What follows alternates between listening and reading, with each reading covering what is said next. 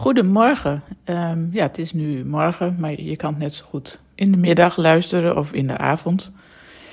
Um, maar ik wil iets delen over voeding.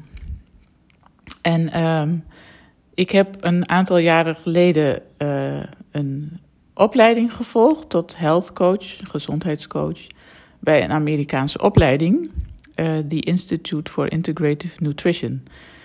En wat zo mooi is, want ik wil dus iets vertellen over voeding. Ik weet niet of ik dat al heb gezegd net eigenlijk. En, maar dan niet per se over uh, voeding wat je in je mond stopt. Maar eerder over andere voeding en wat de link daar is, mee is met wat je wel in je mond stopt.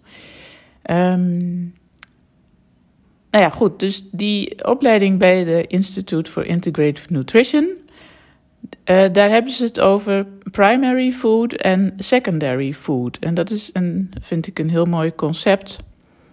Uh, primary is bij hun uh, alles wat jou voedt in de zin van vervulling, zingeving. Wat geeft je energie? Waar word je gelukkig van? dus dan kun je denken aan je werk, Um, kan ook vrijwilligerswerk zijn. Uh, je relaties, dus met je ouders of je partner, of misschien heb je geen relatie en voelt dat uh, als een gemis. Um, aanraking, dus uh, knuffelen, nou ja, vastgehouden worden, dat soort dingen. Um, wat hebben we nog meer? Hobby's, uh, dingen die je graag doet, uh, dingen die fijn zijn om te doen, waar je een fijn gevoel van krijgt. Dus um, vanmorgen sprak ik een lieve vriendin en die zei: Ik ga, uh, ze moest nog morgen werken en ze zei: Ik ga het weekend, dus dat is voor haar zondag en maandag, ga ik alleen maar zelfzorgdingen doen. Dus ze ging haar wenkbrauwen laten doen en ze ging uitgebreid naar de kapper en nagels laten doen, een massage, dat soort dingen dat is ook uh, primary food. Secondary is dan dus wat je in je mond stopt. Dus uh, wat je eet en drinkt. Dat is heel simpel, daar hoef ik verder niet zoveel over te vertellen. Maar um, ik spreek in mijn werk heel veel vrouwen die het of nog niet zich er bewust van zijn, maar vaak wel. En die komen dan bij me en zeggen ze: Ik heb ook echt last van emotie eten. En dat kan zijn uh, dat je nou niet eet en dan later uh, dat gaat inhalen met de tussen haakjes verkeerde dingen. Want ik hou niet zo van het woord goed of fout of verkeerd. Um, en dat kan bijvoorbeeld zijn dat je stress hebt of. Uh, dat je daardoor uh, ja, niet eet of een maaltijd overslaat. Maar wat nog meer gebeurt, is eigenlijk dat mensen een leegte voelen. Uh, of of een, uh, een, iets wat onopgelost is. Bijvoorbeeld iets wat je niet uitgesproken hebt. Of er zijn spanningen in je relatie waar je niks mee doet. Ehm, een leegte omdat je iemand of iets mist in je leven. Dus uh, liefde of een partner of uh, aanraking, uh, misschien een gevoel van eenzaamheid. Um, of het kan zijn dat je vroeger iets hebt meegemaakt wat heel naar is. ja, wat nog niet echt verwerkt is, waardoor je een, een verdriet voelt of een leegte. En heel vaak, en dat is heel menselijk, vullen vrouwen dat op met uh, eten.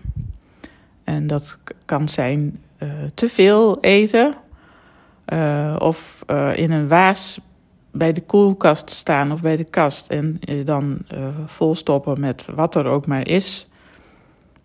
of heel veel koekjes, snoepjes, ehm, chips, dat soort dingen. Maar dan niet op een manier dat je ervan geniet. Want er is helemaal niks mis met een koek of, een, of wat chips of wat dan ook.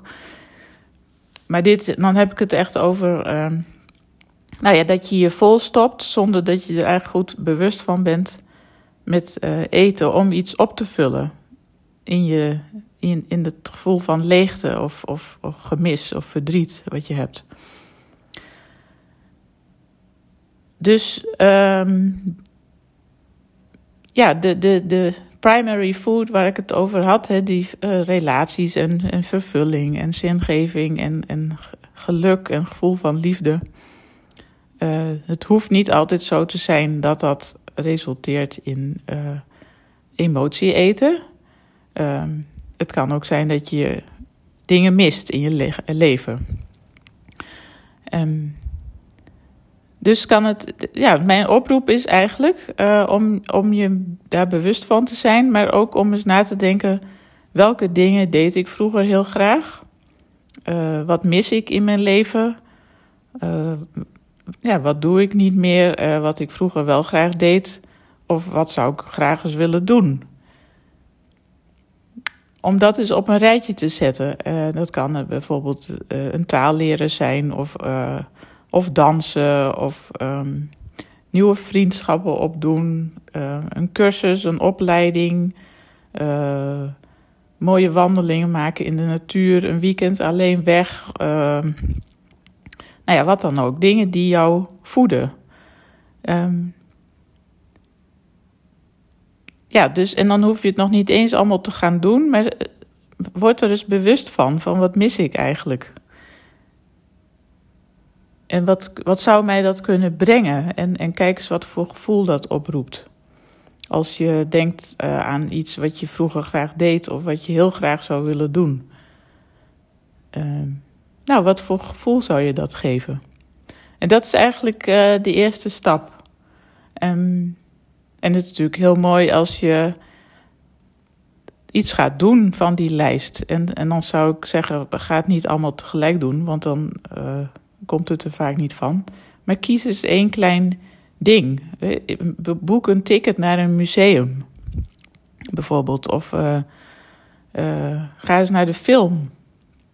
Alleen of met een, met een vriendin. Ja, mis je, als je knuffels mist en je hebt kinderen, hou je kinderen eens extra lang vast. En kijk eens hoe dat voelt om om eens even lekker lang te knuffelen met iemand. Nou ja, dat soort uh, dingen.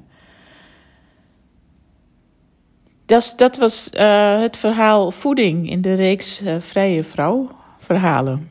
En ehm, ik ben benieuwd wat dit bij jou oproept. Um, ja, en dat, dit is nog wel iets ook wat, wat in je leven natuurlijk zich ontwikkelt. Dus het kan best zijn dat dat je een tijd lang druk bent geweest, uh, waardoor het er niet van gekomen is. Uh, bij het ouder worden veranderen verlangens ook. Dus uh, het is sowieso wel eens leuk om um, nou ja, de boel eens af te stoffen en te kijken welke dingen jou heel erg blij maken. En, en, en wat de reden is dat dat niet in je leven is. Ja, um, hier hou ik het bij. Als je uh, iets wilt delen erover, uh, nou, dat zou ik leuk vinden. Dankjewel voor het luisteren.